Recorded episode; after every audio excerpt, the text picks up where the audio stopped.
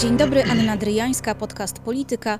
Naszym gościem w na temat jest dr Paweł Grzesiowski, pediatra, immunolog, ekspert Naczelnej Rady Lekarskiej do spraw walki z COVID-19. Dzień dobry, panie doktorze. Witam panią, witam państwa.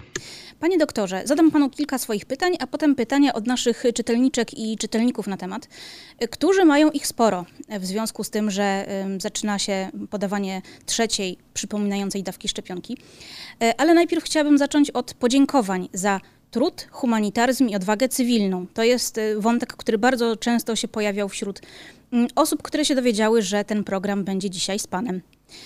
Więc... Y, Bardzo dziękuję za te ciepłe słowa i one są jeszcze większą motywacją do działania. Panie doktorze, w pełni zaszczepionych jest 20, osób, 20 milionów osób w Polsce na 38 milionów populacji. Czy to dużo, czy mało? Jesteśmy u mety? Niestety, y, biorąc pod uwagę potrzeby, to jest to mm, dużo za mało.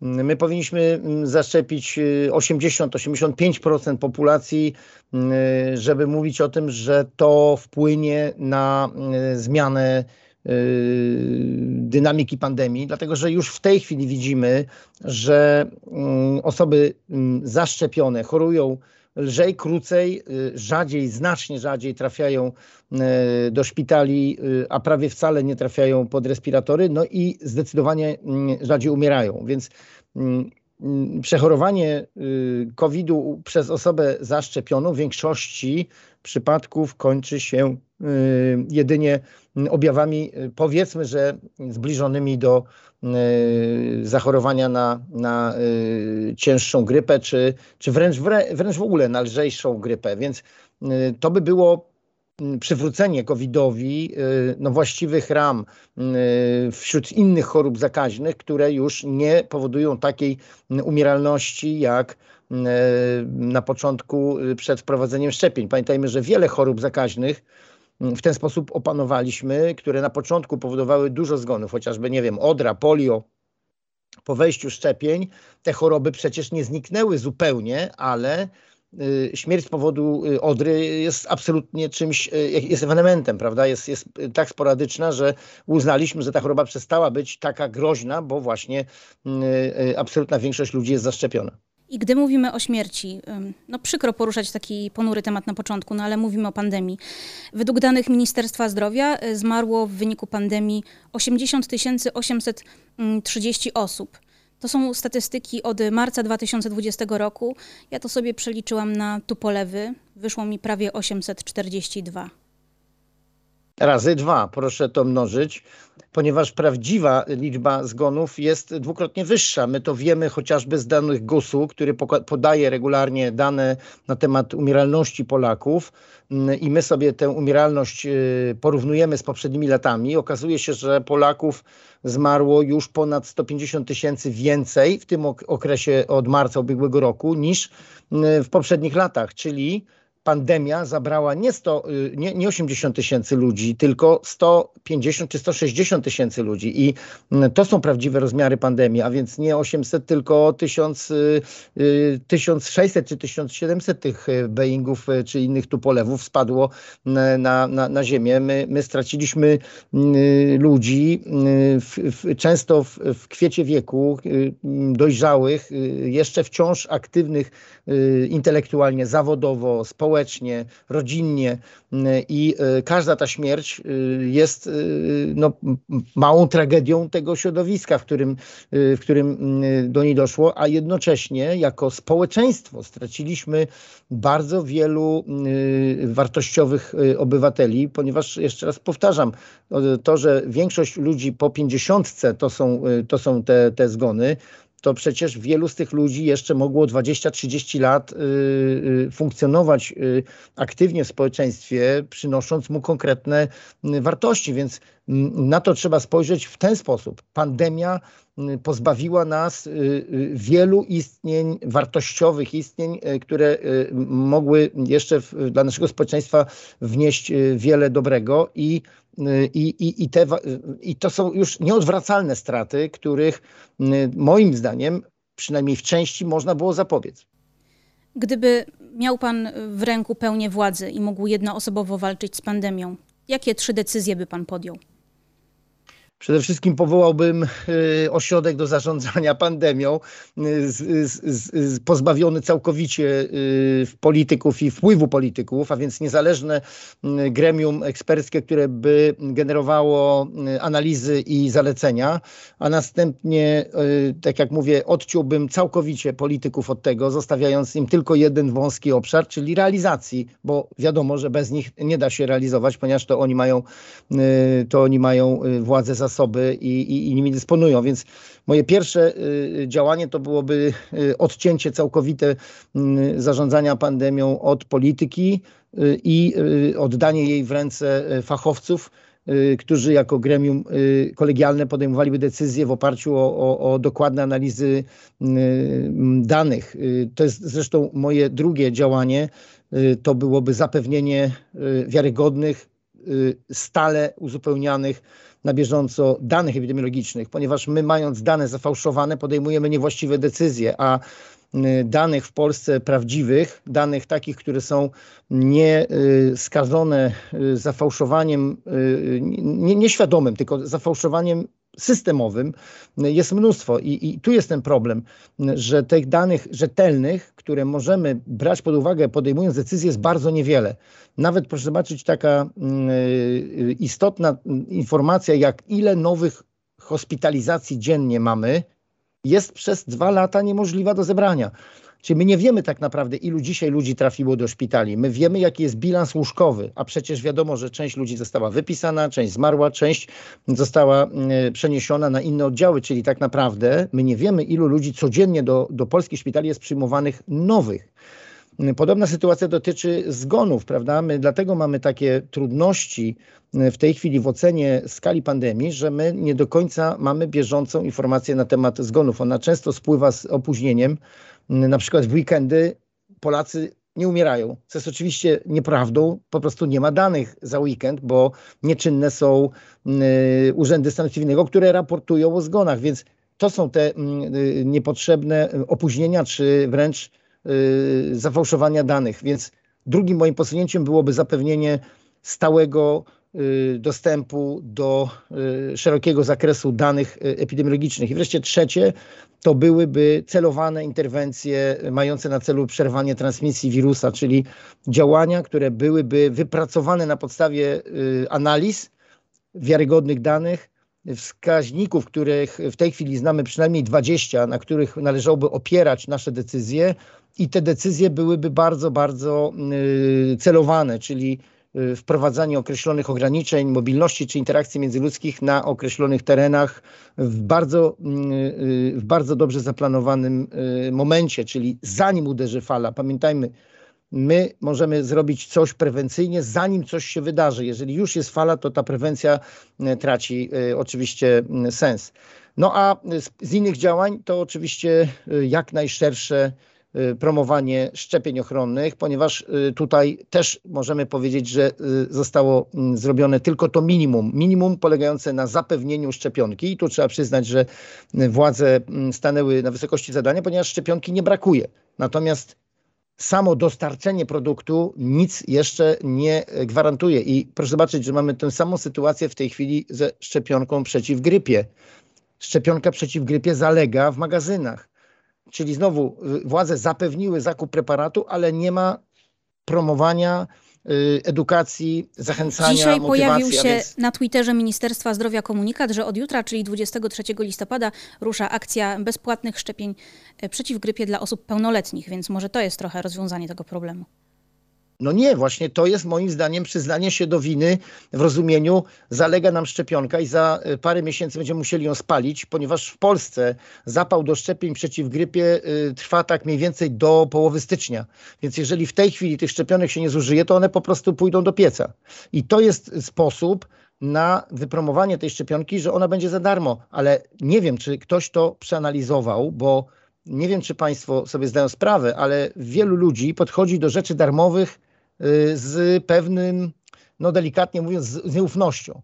Skoro coś jest za darmo, to się tego nie szanuje, więc moim zdaniem tu trzeba byłoby, moim y, skromnym zdaniem, zmienić strategię, bo to, że my uwolnimy szczepionki z y, odpłatności wcale nie oznacza, że będzie większe zainteresowanie. Może jakaś niewielka grupa ludzi, nie wiem, 10% zainteresuje się tą szczepionką właśnie z powodów ekonomicznych, Natomiast te szczepionki i tak były bardzo tanie w gruncie rzeczy, bo koszt szczepionki nie przekraczał 50 zł, więc y, moim zdaniem to nie jest główna blokada. Koszty to jest tylko jeden z elementów, a najważniejsza jest motywacja do szczepienia, której te, y, akurat ta akcja promocyjna moim zdaniem nie zwiększy.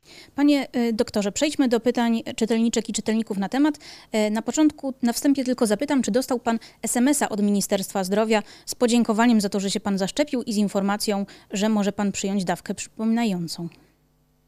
No w moim przypadku trochę to zabrzmiało y, zabawnie, dlatego że dostałem tego SMS-a chyba 2 czy 3 dni temu y, z informacją, że mogę się zaszczepić po 27 grudnia, a ja byłem szczepiony 24 y, stycznia drugą dawką, czyli z nieznanych mi bliżej powodów y, otrzymałem zaproszenie na szczepienie y, no praktycznie 11 miesięcy po terminie, a nie 6, więc nie umiem powiedzieć, dlaczego akurat taki SMS. Nie sądzę, żeby to była złośliwość celowana, tylko po prostu system w tym przypadku zawiódł, bo znaczyłoby to, że w moim przypadku w systemie szczepienie drugą dawką figuruje 6 miesięcy wstecz od grudnia, czyli w, w czerwcu. A ja jeszcze raz powtórzę, mam drugie szczepienie podane w styczniu, więc coś tu nie gra. Cały ten system SMS-owy moim zdaniem trochę jest znowu Mm, słabo przemyślany, ponieważ SMS w, w naszej rzeczywistości powinien, y, y, traktujemy w większości jako, jako coś bardzo konkretnie informującego, prawda? Na przykład przypomnienie o wizycie albo przypomnienie o drodze rejestracji. To rozumiem. Natomiast to, że ktoś mi dziękuje SMS-em za to, że się zaszczepiłem, uważam za mm, stratę y, i czasu, i, i, i, i tych megabajtów informacji, które zostały rozesłane. Panie doktorze, no więc zacznijmy od y, pytania pierwszego. Nasz czytelnik Michał e, pyta w imieniu swojej mamy, która planowo pół roku od przyjęcia drugiej dawki mija jej 14 grudnia, ale chciałaby się zaszczepić wcześniej, już teraz, bo boi się zachorowania w tej czwartej fali. Czy lekarz rodzinny może wystawić skierowanie na takie wcześniejsze szczepienie tą dawką przypominającą? Nie, niestety nie ma takiej możliwości, żeby dawka przypominająca była podawana przed upływem 6 miesięcy. Tak, y, znowu, ustawodawca to, znaczy nie ustawodawca, tak, rząd to y, postanowił, bo to mamy w zarządzeniu ministra zdrowia, więc to jest władza wykonawcza i wy, wykonawcza władza nam powiedziała tak, są dwa sposoby podania trzeciej dawki. Sposób pierwszy, dawka przypominająca po 6 miesiącach od drugiej i tu nie ma żadnych odstępstw. Drugi sposób to podanie trzeciej dawki we wcześniejszym terminie, ale nie jest to dawka przypominająca, tylko uzupełniająca te dwie poprzednie. Jaka jest różnica? Ta dawka uzupełniająca może być podana tylko osobom z zaburzeniami odporności. Oczywiście ten katalog jest szeroki, bo są to osoby, no nie wiem, na przykład dializowane, chore na y, HIV, czy też y, przyjmujące leki immunosupresyjne, czy chorobą nowotworową. To są te szerokie grupy, Osoby po którym można tak, czy po przeszczepach i tym e, osobom możemy podać trzecią dawkę przed upływem 6 miesięcy. Natomiast y, innym, czyli zdrowym osobom, które nie mają żadnych czynników ryzyka słabej odpowiedzi na szczepienie, ta szczepionka e, przypominająca przypada po 6 miesiącach. Usłyszeliśmy w piątek, że Rada Medyczna e, słusznie zresztą, nie pierwszy raz, mówi o tym, że należałoby przyspieszyć o miesiąc tę dawkę przypominającą dla osób 50. Plus. Uważam, że to jest słuszna decyzja, ponieważ z badań klinicznych tak wynika, że już po 20 tygodniach, czyli właśnie po 5 miesiącach, ta odporność y, y, jest y, niższa i możemy nie zdążyć z tą trzecią dawką i zachorować. Mhm. I tutaj kolejne pytanie od Julii, która z kolei przeszła COVID, przyjęła dwie dawki szczepionki. I teraz ma pytanie, kiedy ma przyjąć trzecią, bo ona z kolei zastanawia się, czy by trochę tego, tej trzeciej dawki przypominającej nie opóźnić, bo przecież może mieć jeszcze przeciwciała z tego chorowania. Tak, to jest bardzo szczególna grupa. Ozdrowieńcy, którzy przyjęli dwie szczepionki, mają na ogół bardzo dobry poziom przeciwciał i mimo, że nie podajemy jakiejś wartości, od której się liczy odporność, to jednak y, pewne tendencje możemy y, tutaj y, no, zauważyć. Więc ja bym sugerował, aby ozdrowieniec któremu mm, minęło 6 y, miesięcy od drugiej dawki, jednak wykonał sobie y, badanie krwi, czyli poziom przeciwciał y, anty-S w klasie IgG ilościowo i wtedy będziemy mogli powiedzieć, czy tych przeciwciał jest powiedzmy dużo, średnio czy mało. W tych kategoriach rozmawiamy nie o konkretnym stężeniu, ale właśnie czy jest ich bardzo dużo, czy średnio, czy mało. Jeżeli byłoby ich bardzo dużo, w rozumieniu przynajmniej no powiedzmy 20-30-krotność tego poziomu tak zwanego referencyjnego, czyli minimalnego, to uważamy, że ten poziom przeciwciał kwalifikuje taką osobę do szczepienia w ciągu miesiąca, dwóch yy, tą trzecią dawką. Jeżeli jest tych przeciwciał mniej, to powinniśmy jednak rozważyć szczepienie trzecią dawką, yy, no już bez zbędnej zwłoki. I tutaj kolejne pytanie, znowu Michał, e, który mówi, że przecież po, przy poprzednich e, dawkach szczepionki mówiło się o pewnym okresie odporności. Przy Pfizerze był to tydzień po pełnym zaszczepieniu, przy Modernie 2. No a jak wygląda ta odporność e, w przypadku dawki przypominającej? Jak długo od będziemy siedmiu, bezpieczni? Y, od 7 do 14 dni trwa y, pobudzenie y, wtórnej odpowiedzi immunologicznej. Bardziej 7, 10 y, niż 14. Czyli osoba, która ma już pamięć immunologiczną po dwóch poprzednich dawkach, po podaniu trzeciej uruchamia szybką produkcję przeciwciał wysoko już takich dojrzałych w klasie IgG właśnie po 7-10 dniach przeciętnie. Także liczy się oficjalnie ważność trzeciej dawki mniej więcej od 10 doby, 10-12 doby od jej podania. Mhm. Agata ma pytanie, dlaczego y, po dwóch dawkach Pfizera i Moderny jako trzecią podaje się całą dawkę Pfizera, a Moderny tylko połówkę? I który wariant trzeciej dawki pan doktor doradza osobie zaszczepionej Pfizerem, a jaki Moderną? Ten temat jest jeszcze bardzo szeroko y, analizowany przez naukowców, ale wstępne badania amerykańskie pokazały, że zmiana szczepionki przy mm, trzeciej dawce może nieznacznie poprawić efekty szczepienia. Przy czym y, sugerowano to wyraźnie y, głównie dla osób, które ma, mają jakieś czynniki ryzyka ciężkiego COVID-u, czyli na przykład mamy osobę lat, nie wiem, 70 po dwóch Pfizerach, która ma cukrzycę i, i POHP i dla takiej osoby po dwóch Pfizerach wskazana byłaby raczej Moderna. Natomiast dla zdrowych y, młodych osób y, zmiana szczepionki, czyli tego schematu y, nie wydaje się być aż tak y, korzystna czy potrzebna. Natomiast dlaczego pół dawki moderny? Bo takie badania przeprowadzono, sprawdzono co lepiej działa, czy cała dawka jako dawka przypominająca, czy połowa i okazało się, że tu nie pierwszy raz zresztą w medycynie, że niekoniecznie więcej znaczy lepiej. Mniejsza dawka przypominająca daje ten sam efekt, którą, który byśmy osiągnęli przy większej dawce, więc skorzystano z tego i no, już nie muszę mówić o tym, że jeżeli możemy stosować pół dawki, to to pozwoli na no, znaczne zwiększenie prawda, dwukrotnie ilości szczepionek, które posiadamy tej firmy, więc to ma bardzo duże znaczenie.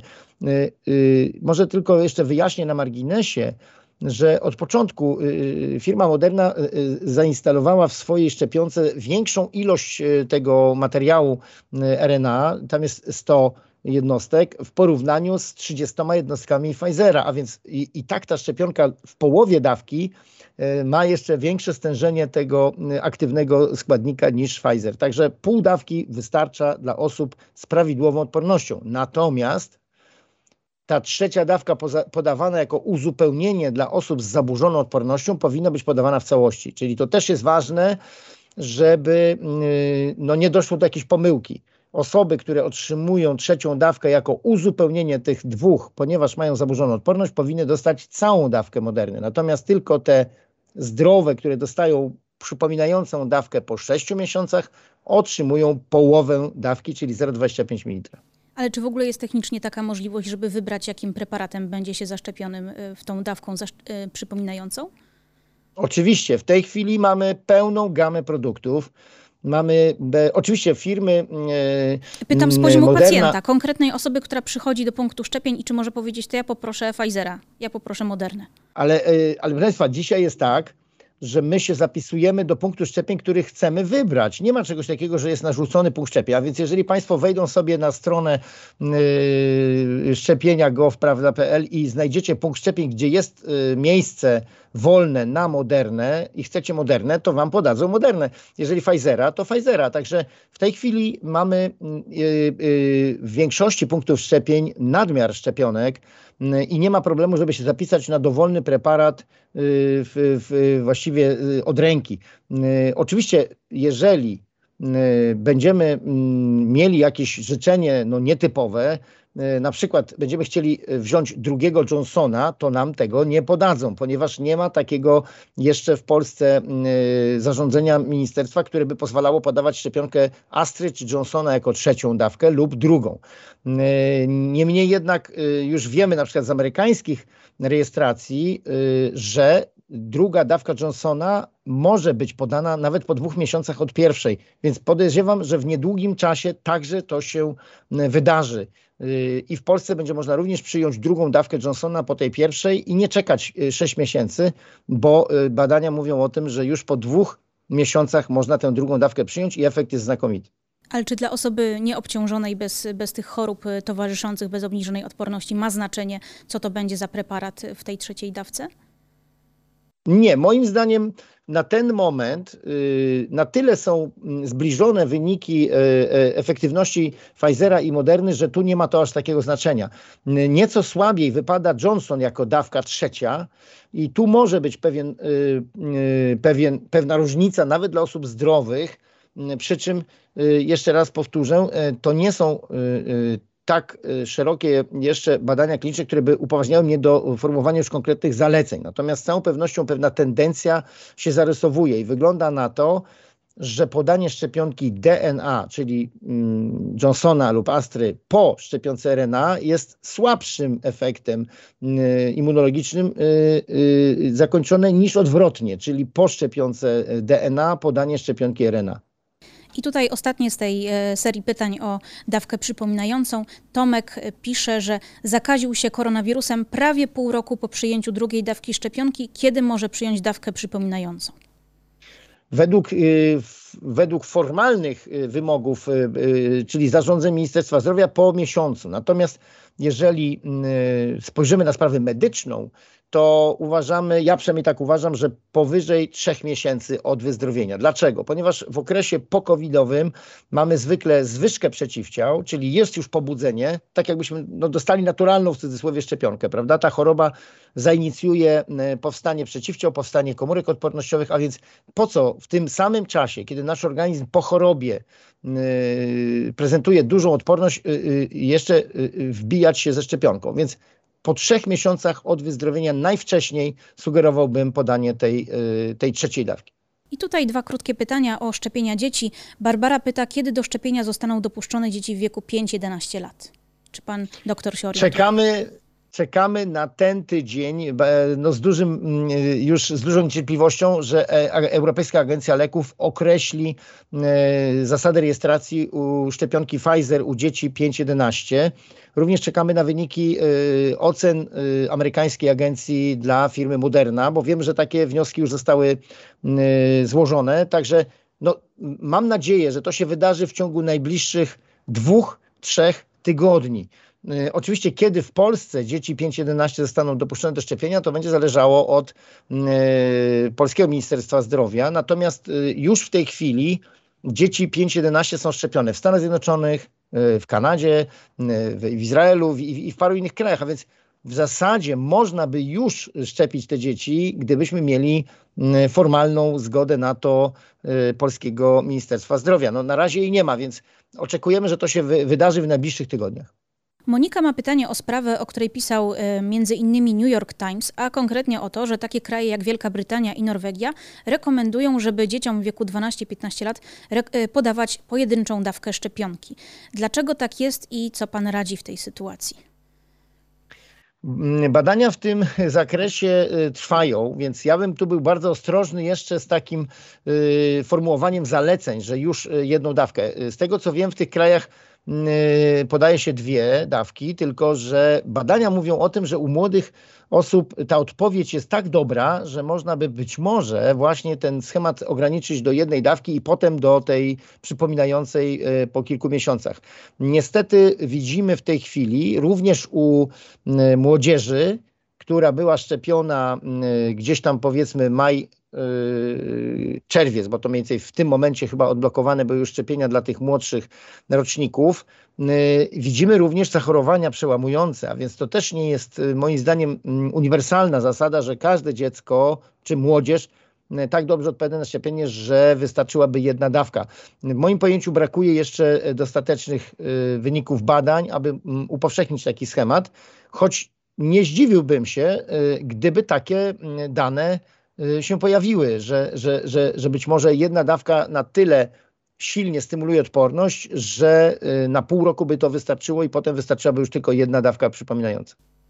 Pytanie ode mnie o szczepionki przeciw grypie. Czy warto się zaszczepić, jeżeli już się szczepimy przeciw COVID? Warto się szczepić przeciw grypie corocznie i powtarzam to od 30 lat, odkąd zajmuję się szczepieniami, niezależnie od tego, czy mamy pandemię innej choroby, czy też nie, dlatego że każda z tych chorób y, to jest inna choroba. Nie ma y, żadnego wpływu na y, to, że się zaszczepiliśmy przeciwko COVID, Y, y, no to nas nie uchroni przed grypą i odwrotnie. Szczepionka przeciw grypie nie uchroni nas przeciwko, y, przed COVID-em, więc powinniśmy po prostu traktować te szczepienia jako komplementarne, jako dopełniające. Do tego jeszcze dołożyć pneumokoki i krztusiec i mamy komplet szczepień dla dorosłych przy czym y, krztusiec i, i pneumokoki to jest jednorazowe szczepienie na, na wiele lat, tak? bo pneumokoki właściwie szczepimy jednorazowo, a krztusiec na 10. Natomiast grypa powinna być podawana corocznie jako szczepionka sezonowa. I tu pytanie od Piotra, tym razem o zupełnie inną szczepionkę, szczepionkę przeciwko HIV. Na jakim y, etapie y, są badania i według Pana kiedy ta szczepionka wreszcie powstanie? Bardzo ciekawe pytanie, dlatego że y, ono mm, również y, po, po, y, prowokuje mnie do takiego głębszej refleksji, że pandemia no, zdziałała coś pozytywnego i okazuje się, że mm, właśnie na skutek upowszechnienia szczepionek RNA i DNA prace nad taką samą szczepionką y, przeciw HIV bardzo mocno ruszyły do przodu. Y, myślano o szczepionce przeciw HIV właśnie w technologii RNA, ale ona była gdzieś odsuwana w czasie, y, były jakieś, jakieś próby, ale na małą skalę. W tej chwili skuteczność i powodzenie koncepcji szczepionek RNA i wektorowych jest tak wielkie, bo, bo COVID to pokazuje, że te szczepionki działają i są skuteczne i są bezpieczne, y, moim zdaniem przyspieszy o, o, o kilkanaście lat y, pracę nad szczepionką y, przeciw HIV. Wreszcie przestaniemy szczepić przeciwko białkom, tak? No, bo takie dotychczas szczepionki mieliśmy, które zawierały białka wirusa, różnego rodzaju kombinacje. Mm, bo ten wirus bardzo szybko się zmienia, bardzo szybko mutuje i dlatego jest tak trudno wytworzyć szczepionkę przeciwko tym częściom wirusa, które y, odpowiadają za atak na nas, tak jak tutaj przeciwko białku S wirusa y, SARS-CoV-2. Więc ja spodziewam się, że to może za, zaskutkować wieloma bardzo ciekawymi projektami y, szczepionek przeciwko innym zakażeniom, które będą oparte o technologię RNA lub wektorową DNA. I na koniec pytań od naszych e, czytelników i czytelniczek e, na temat. Małgorzata pyta, jak pan wyjaśnia fenomen lekarzy antyszczepionkowców? Sylwia z kolei, jak wytłumaczyć antyszczepionkowcowi covidowemu, że gremium pod tytułem Niezależni lekarze nie ma racji, mimo że należą tam lekarze formalnie wykształceni? Proszę Państwa, no, ja mogę wytłumaczyć to tylko na jeden sposób, jako, jako lekarz, y, jako lekarz i, i, i obserwator zjawisk biologicznych. Proszę Państwa, jak patrzymy na las, to mamy w lesie drzewa średnie, wysokie i malutkie. Y, I to się mniej więcej rozkłada, jeżeli tylko ten las był y, w naturalny sposób y, wysiany, to mniej więcej zgodnie z krzywą Gaussa. Podobna sytuacja jest z ludźmi. Według krzywej Gaussa mamy trochę ludzi bardzo niskich, trochę średniego wzrostu i bardzo znowu mało ludzi bardzo wysokich. Taki jest rozkład y, naturalny y, pewnych cech y, w populacji. To samo dotyczy niestety umysłów naszych, czyli mamy w skrajnych anarchistów kilka procent, a 80 czy, czy, czy 85% ludzi o, o umiarkowanych poglądach. I tak też rozkłada się to wśród populacji lekarskiej. Przecież lekarze nie są jakoś selekcjonowani pod względem umysłów. Oni też mają. No, muszą się wykształcić, to pewne... są długie studia. No tak, tylko że krzywa Gaussa zakłada, że mamy po 2,5% ekstremalnych y, y, zachowań z każdej strony, czyli ekstremalnie pozytywnych i ekstremalnie negatywnych, a ten środek stanowi większość. I tak samo jest y, z antyszczepionkowcami. Ich nie jest więcej niż 5%. Proszę zwrócić uwagę, jakie są badania opinii publicznej. One pokazują, że takich takich zabetonowanych antyszczepionkowców nie jest wielu. Natomiast oni są bardzo głośni i bardzo e, aktywni, ponieważ no, będąc w mniejszości próbują zdobyć popularność. E, w związku z tym e, największym problemem nie jest to, że mamy Y, ekstrema, że są ludzie y, skrajnie y, anarchistyczni albo skrajnie poddają się jakiejś tam, prawda, centralnej władzy, tylko problemem jest to, że jeżeli któryś z tych ekstremów przejmuje kontrolę nad resztą to wtedy dzieje się bardzo źle. I dzisiaj widzimy, że e, współczesne systemy polityczne są tak skonstruowane, że ekstrema mogą w pewnych sytuacjach, w pewnych okolicznościach przejąć władzę. I widzimy to na przykład, że skrajna prawica, o którą walczy wiele prawda, partii politycznych e, e, centralnych, nagle staje się tym, tym języczkiem uwagi, który determinuje zachowania całego, powiedzmy, rządu czy, czy, czy wszystkich władz. I tu jest ten problem, że ludzie, którzy są ekstremalni, oni w całej tej rzeszy ludzi mm, nieekstremalnych się gdzieś rozcieńczają. Natomiast jeżeli nagle y, te osoby y, y, na przykład dostają władzę, stają się kreatorami pewnych, pewnych posunięć, no to oczywiście będą realizować swoje skrajne pomysły. Także ja jestem zdania, że mm, polskie społeczeństwo nie odbiega w tym zakresie od innych społeczeństw. Mamy garstkę antyszczepionkowców, którzy są bardzo głośni i sporą grupę obserwatorów, którzy są bierni i czekają na rozwój wypadków. Jeżeli y, tym antyszczepionkowcom udaje się przebić do y, mainstreamu i do władz i to oni jakby narzucają swoją, y, swoją wersję wydarzeń, będąc agresywnymi, pamiętajmy o tym, że, że podpalano punkty szczepień, że atakowano lekarzy czy pielęgniarki, którzy mm, robili szczepienia, że robiono jakieś, y, no, jesteśmy obiektem nieustannego hejtu. No proszę mi znaleźć chociaż jeden y, y, napad szczepionkowców na antyszczepionkowców. Tak się nie dzieje, prawda? Czyli ludzie, którzy są nastawieni na profilaktykę, na szczepienia, nie są agresywni. Mm, są nastawieni na zdobywanie wiedzy, na, na jak najlepszy dostęp do, do tych y, y, zdobyczy profilaktyki. Natomiast to antyszczepionkowcy najczęściej są agresywni, ponieważ czują się jakby wyobcowani ze społeczeństwa i próbują narzucić ludziom swoją wersję wydarzeń. Także ja nie boję się rozmawiać z antyszczepionkowcami. Rozmawiam z nimi od, od, od praktycznie od początku mojej zawodowej aktywności w tym zakresie. I muszę powiedzieć, że przed pandemią y, osiągnęliśmy bardzo wiele, ponieważ y, zaczęła spadać liczba rodziców, którzy odmawiali szczepień y, swoim dzieciom. Pandemia to wszystko niestety wywróciła do góry nogami, bo, bo doszły e, elementy covidowe i, i polityczne, i społeczno-gospodarcze i tak dalej, więc to wszystko się wymieszało, ale, ale jeszcze raz powtórzę, takich zabetonowanych antyszczepionkowców mamy kilka procent i niestety również mamy ich wśród lekarzy. I tu jest teraz cała rzecz w tym, aby spo, y, y, społeczność lekarska wyraźnie dała do zrozumienia, tak jak to w tej chwili się dzieje, że lekarz, który promuje idee antyszczepionkowe, nie może być lekarzem. Po prostu ma oddać y, pieczątkę i dyplom i może sobie być dalej człowiekiem, robić swoje y, y, pomysły realizować, ale już nie może być lekarzem w rozumieniu, nie reprezentuje aktualnej wiedzy medycznej. I czy ci obserwujący, mówi pan, że to też jest e, solidna grupa, czy ci obserwujący, gdy widzą po 300-400 oficjalnych e, zgonów na COVID dziennie, czy dla nich jest już za późno, żeby się zaszczepić? Pierwszą nie jest dawką. za późno na to. Absolutnie nie jest za późno na to, żeby się zaszczepić, żeby założyć maseczki. To wszystko można robić w dowolnym momencie, tylko oczywiście z punktu widzenia społecznego efekty tego, że na przykład teraz ruszy fala ludzi e, do punktów szczepień, będziemy widzieli dopiero za półtora miesiąca, więc na tę falę to może być już za późno, ale indywidualnie każdy z nas może się jeszcze, jeżeli się nie zaszczepił, może się zaszczepić i zredukować ryzyko, nawet po jednej dawce, już to ryzyko y, śmierci z powodu COVID y, spada o, o, o połowę. Więc warto już nawet y, wiedząc, że nie da rady powstrzymać tej fali na tym etapie, mimo wszystko zaszczepić się, żeby nie zachorować indywidualnie, żeby nie umrzeć z powodu COVID-19, przy czym no niestety ten efekt pełny szczepienia dopiero widzimy dwa tygodnie po drugiej dawce. Dziękuję panie doktorze. Naszym gościem był dr Paweł Grzesiowski, pediatra, immunolog, ekspert Naczelnej Rady Lekarskiej do spraw walki z COVID-19. Dziękuję panie doktorze. Dziękuję bardzo. A z państwem żegna się Anna Dryjańska. Do zobaczenia za tydzień. Dziękuję.